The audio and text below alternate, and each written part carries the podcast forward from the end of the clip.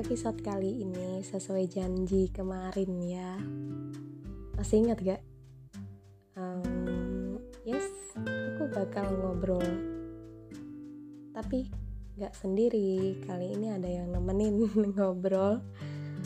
Yes, I'm so excited. Nah, temen yang aku bawa kali ini tuh teman yang udah aku ceritain di episode 34 buat kalian yang mau part 2 nya nggak bakal aku bikin ini karena udah aku datengin nih orangnya. Jadi temanku nih itu orangnya aneh. But we have the same brain cell jadi nggak tahu semuanya itu sama kebetulan terus waktu kita cerita juga eh gue iya lu iya? Iya nih kok sama? Jadi kayak gitu. Jadi sesuatu yang bakal kita ceritain tuh kita punya basic yang sama di situ kayak gitu.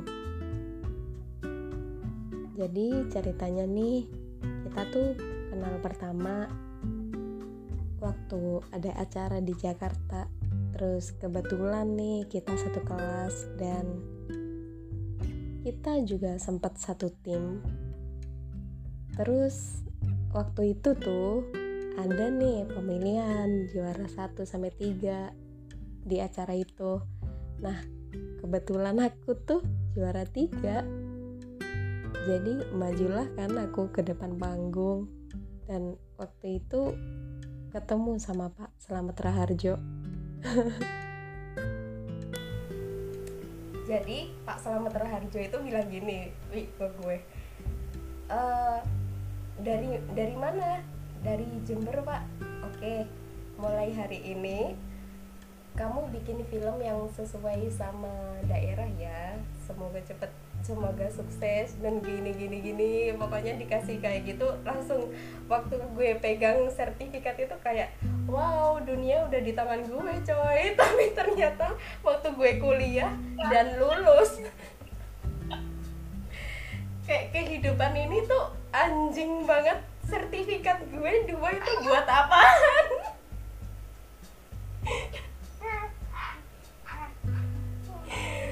Ya Allah. Apalagi Pak siapa itu? Udah songong banget tuh pasti ya iya dulu dulu dulunya gue sombong karena karena udah punya bekal itu. Gue gue pikir sih itu berfungsi nyatanya enggak sama sekali. Dengan wajah lo yang sinis dan songong lo berjalan dari depan panggung ke tempat duduk kan? Kurang ajar di wajah sumpah kurang ajar di wajah. Eh sumpah waktu itu gue nggak lihat lo loh di di audiens itu sampai nggak kelihatan. Ih mana sih bapak art director gue? Gue udah bawa pisau lo di belakang panggung. Oh sebenarnya itu ya? Iya. Ih kok aneh ya? Eh please. Gue udah pede tuh. Berarti gue nih anjir. Anjir. Ternyata nggak dapat ya Allah ternyata bawahannya yang dapat makasih tuan muda. Emang sih kalau yang kayak gitu kan. Ya udahlah. Kita mah konseptor aja. Kayaknya yang dinilai bukan itu aja deh. Lu nggak usah nggak usah. Eh jangan iri jangan iri. Jangan iri dengki.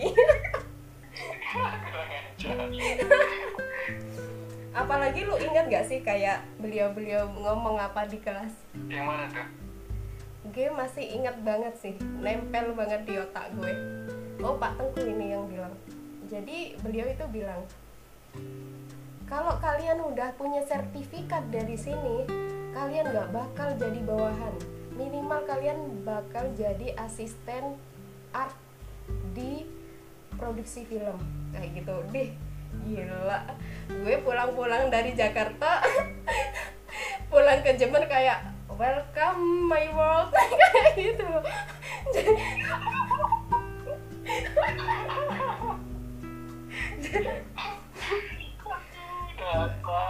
Gue udah ber bodohnya gue udah kertas dua itu dan waktu gue cari kerja gue print dah itu kan. Foto gue fotokopi gue apply ke semua perusahaan. Nggak dilirik pengen gue bakar rasanya. Tapi gue salah satunya gue bisa kerja di plat merah walaupun kontrak ya. Yes. Ya karena itu. Emang ada iya? dua sertifikat. Tapi kok di perusahaan daerah gue kagak ada yang nerima? Jadi sebenarnya kita ngobrol dari tadi tuh poinnya ini ini. Eh, apa tuh ini, ini, ini apa sebenarnya gue udah pernah tanya sih kalau waktu itu ingat gak kayak Pi lo pernah nggak ngalamin quarter life crisis? Kayak gitu. Udah pernah kan? Udah udah nah kayak gitu kan. Lah lo waktu ngalamin itu di posisi gimana sih waktu sebelum sebelum lulus kuliah apa sesudah ya? Sesudah dong. Rata-rata kan rata-rata kan orang yang ngalamin quarter crisis of life itu kan udah kuliah. Dan mereka udah nggak ada nggak ada yang dikerjain. Bingung. Pengeluaran terus jalan dan pemasukan nggak ada. Di situ kan tahap insecure orang tuh mulai muncul kan. Eh kirain orang sepede lo nggak bisa insecure.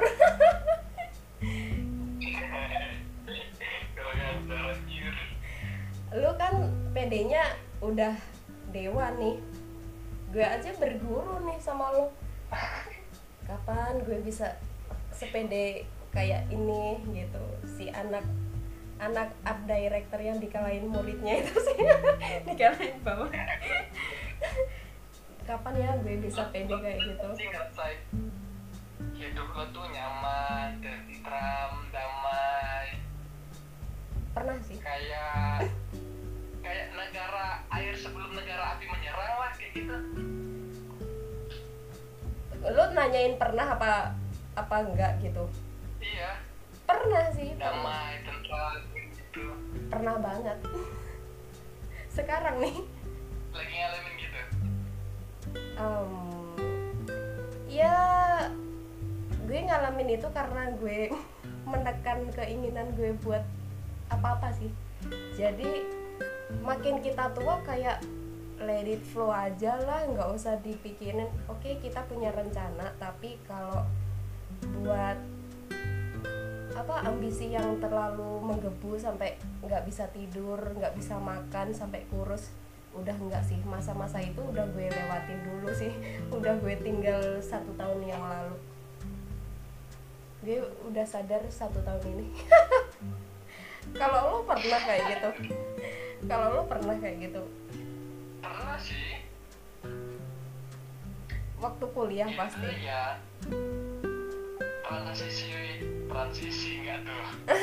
Ya pas perpindahan dari kuliah mau masuk ke tahap kuliah udah selesai mau masuk ke tahap job seeker kayak gitu. Eh stres banget anjir lo tiap hari butuh makan lo tiap hari butuh rokok tapi nggak ada. ada. Mau minta bokap nyokap juga kayak ya ampun udah bertahun-tahun ngerepotin masih ngerepotin lagi. Lu mikir gitu nggak sih? Iya sih sebenarnya tapi kan nggak ditunjukin ke mereka kan. Ya iyalah ya kali. Gue nunjukin. Lu kalau gue sih kalau gue tipe manusia yang tipe anak yang hampir nggak pernah nunjukin apa yang gue rasain ke orang tua mau gue itu. Sedih mau gue itu. Eh, tuh? Karena ya emang tradisi keluarga gue kayak gitu. Ini nih apa? Perpindahan dan butuh rokok butuh rokok butuh makan nggak ada penghasilan nggak ada pemasukan gitu. Dari situ ya. Iya sih. Ya gue masih bingung sih kalau cowok itu mintanya gimana sih? Kayak eh, harga diri cowok lebih tinggi nggak sih? Daripada cewek. Kalau cewek kan oke lah gue cewek jadi eh nggak apa-apa lo masih tanggung orang tua. Kalau cowok kan pasti berat banget kan mau ngomong mak uang adik udah habis kayak gitu kan pasti gagap serius? Iya kan? Heeh, gue gue udah paham sih sifat cowok kayak gimana. Jadi yang batuk yang nggak mau ngomong kayak gitu kan itu pasti pasti udah gengsi banget ya sih? Makanya itu kayak li- eh, quarter life crisis itu kayaknya lebih ngena ke cowok gak sih? Kayaknya iya ya. Eh tapi gimana ya? Ih, bukan gengsi apa sih? Itu kata-kata yang tepat. Malu. Bukan malu bukan gengsi kayak gitu. Tapi bukan. butuh. Tapi nggak bisa minta gitu. Bukan malu bukan gengsi tapi butuh nggak bisa minta. Ya itu namanya gengsi cuy. Gengsi kan malu tuh mau ngomong. Gengsi itu bukan malu tapi eh, oh harga gengsi itu malu. Tapi ini nih bukan malu nggak bisa kayak gitu. Takut. Bukan takut. Nggak bisa gimana ya? Ya pokok perasaan yang nggak bisa dijelasin itu ya di fase itulah pokoknya gitu ya. Ya ya gitulah kira-kira. Kayak gitulah kurang lebihnya. Ini pasti bakal relate banget sih waktu anak-anak yang baru lulus terus uh masa-masa stres nggak sih? Gue kalau inget kayak ya ampun gue bisa ya ngelewatin masa itu. Lo sendiri gitu nggak sih? Awalnya iya. Terus? Sampai sampai kapan gitu mau kayak gini kan? Yos yoi terus? Nah, terus ya biasa aja sih bawa santai sih. Lama-lama juga udahlah kayak gitu tapi lu nggak sampai yang kurus terus nggak bisa tidur terus tiap hari overthinking kayak gitu nggak nggak sampai kayak gitu? Awalnya gua kayak gitu. Awalnya gua nggak pernah tidur. Malam. Gila loh sumpah. Waktu itu jam yang 8, jam 7, 8 pagi baru tidur sampai siang. Malam nggak bisa kayak gitu. Pola gua kayak gitu selama masa itu iya iya iya gue ingat waktu itu lu baru mau lu baru mau tidur sekitar jam 7 gue masih ingat iya yes. Gila. Ternyata nggak gue doang ya yang kayak gini. Iya sih hampir semua orang ngalamin sih kayaknya. Tapi tiap mungkin hampir nggak mungkin sih kecuali orang-orang yang udah punya privilege lebih ya. Yes punya backupan sih kayak gitu. Kayak orang tua yang selalu ngasih ngalirin duit tanpa diminta kayak gitu kan. Gue sampai sampai udah frustasi di sini. Gue balik tuh ke Bangka. Terus? Gue hampir hampir setengah tahun hampir enam bulan gue balik ke Bangka gitu kalau nggak salah. Lu selama di Bangka ngapain aja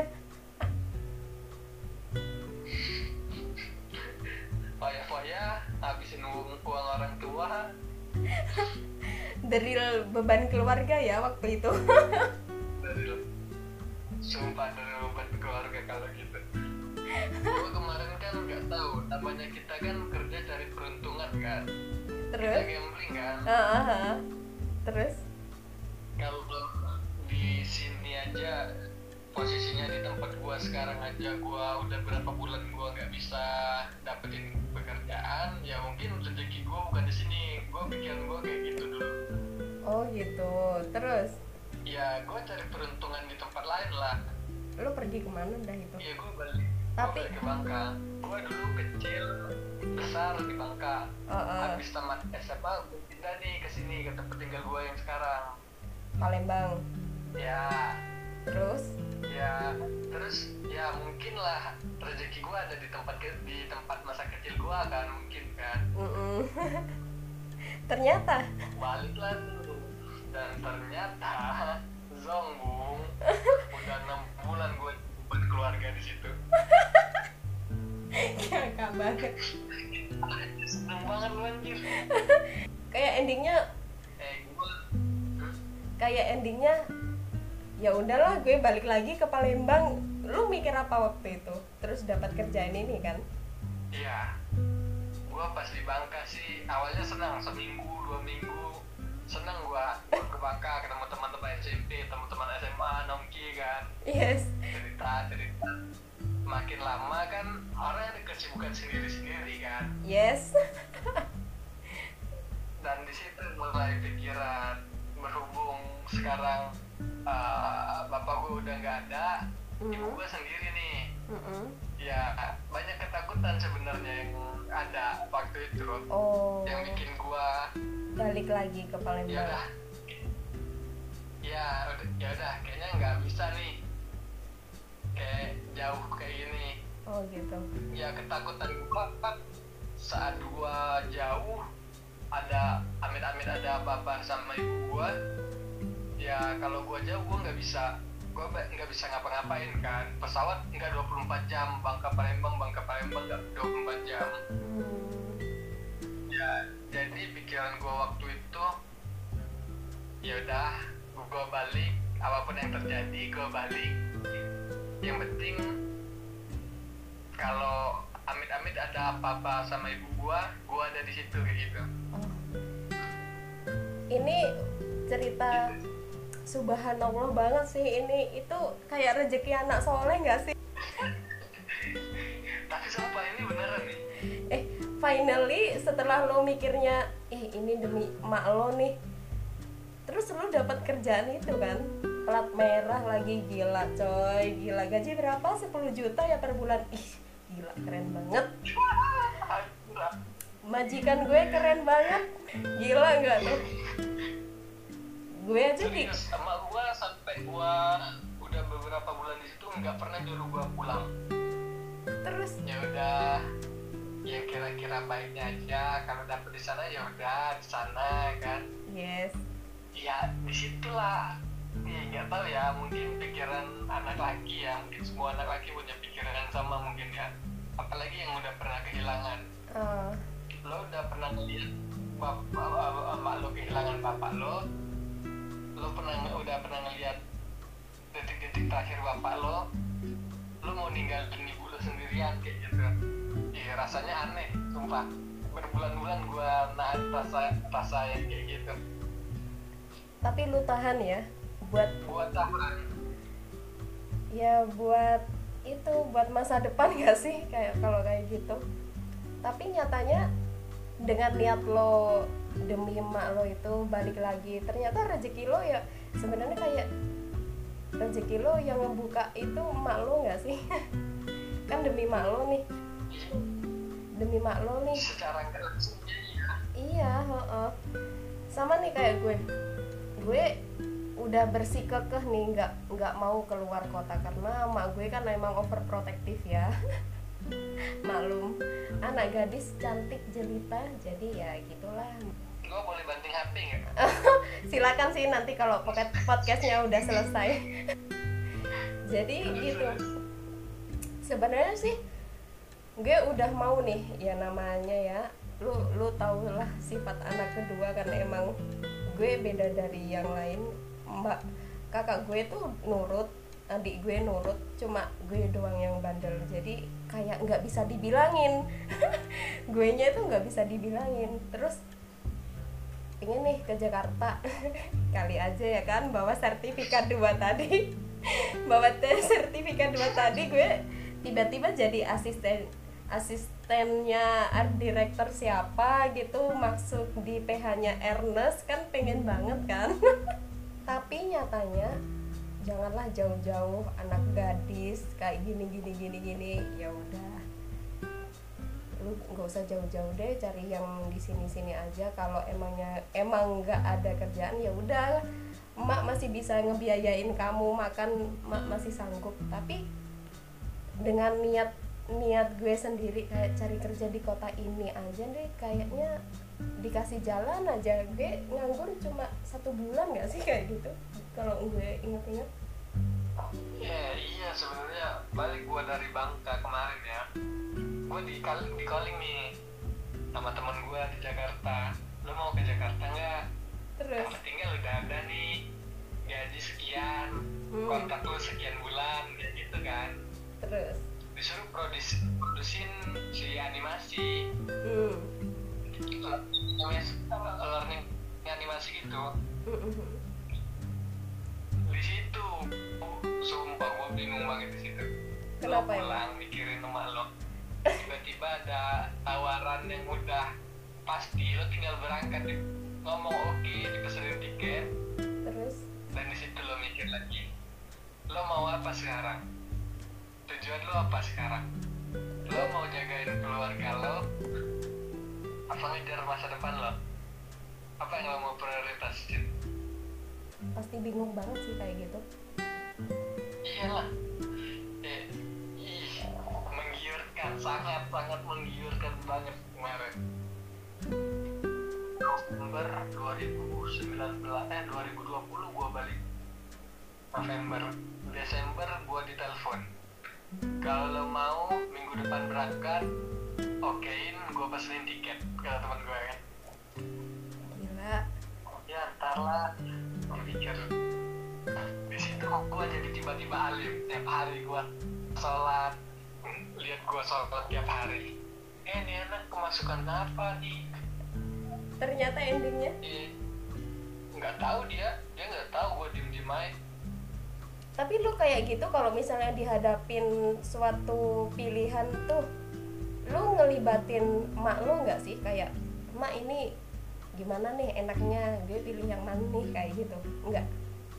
Nggak nanya. Kalau pilihannya gitu gue nggak. Pilihan gue kemarin gue nggak nggak ngomong. Why? Ya karena gue tahu ada masalah rumit yang harus dia pikirin. Oh gitu. Hal receh kayak gitu gua tanyain ke dia. Mungkin diketawain dia anak laki lu anjir. Mikirin mau minta saran emak. Iya sih. Beda ya lu laki sih. Lupa gue anjir lu kira sama ini gua cewek ya enggak. Maksudnya gue kan kayak menempatkan diri gue di posisi lo. Kalau gue sih ya nanya emak gue lah kayak mak ini ada tawaran ambil gak nih? Kayak gitu. Sering kan gue udah kerja di sini itu banyak tawaran dari teman-teman dan itu itu sesuai sama yang gue mau. Kayak syuting kayak nulis kayak gitu. Tapi nggak tahu aja gue udah masih aja stay di sini padahal kayak ikut Jepang juga sih. Ya kayak tapi gitu untungnya gua sekarang kenapa? seminggu sekali bisa pastiin pulang mak gua nggak ada apa kenapa gitu iya kalau dibanding gua ngambil tawaran di Jakarta kemarin oh dari kerjaan lo yang sekarang sama yang lo tolak itu Iya. Kalau ngomongin penghasilan sih jauh sih. Iya. Itulah yang gua sempat bilang sama lo kemarin kan. yang mana tuh Kalau lo masih inget gua sep- sempat bilang nih. Kalau cari ya mending deket keluarga aja lah. Bisa balik lo. Anak cewek juga. waktu waktu gue tanya apa tuh ya lupa juga gue tapi ingat Lo pernah nanyain masalah kerjaan milih tempat pekerjaan gak sih kalau nggak salah gua? gue itu dapat tawaran di mana ya kota mana ya iya sih emang yang bikin bingung itu kadang yang di luar kota itu iya iyalah UMR-nya gede Jember berapa anjir.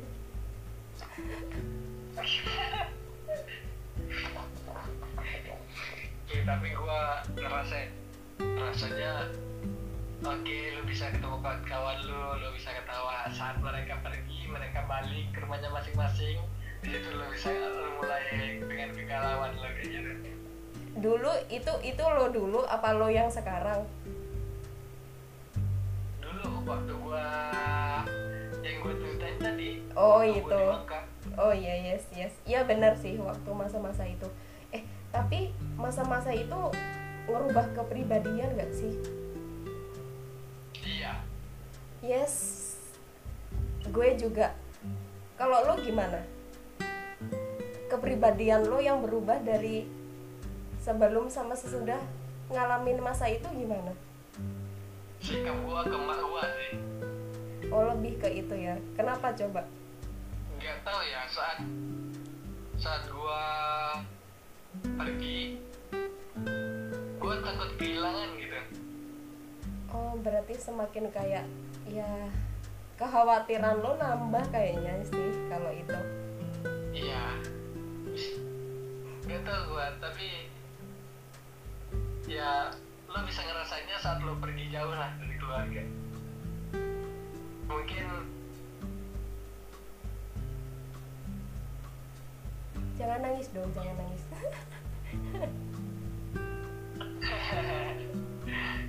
Iya sih itu orang-orang dengan kondisi yang sama. lo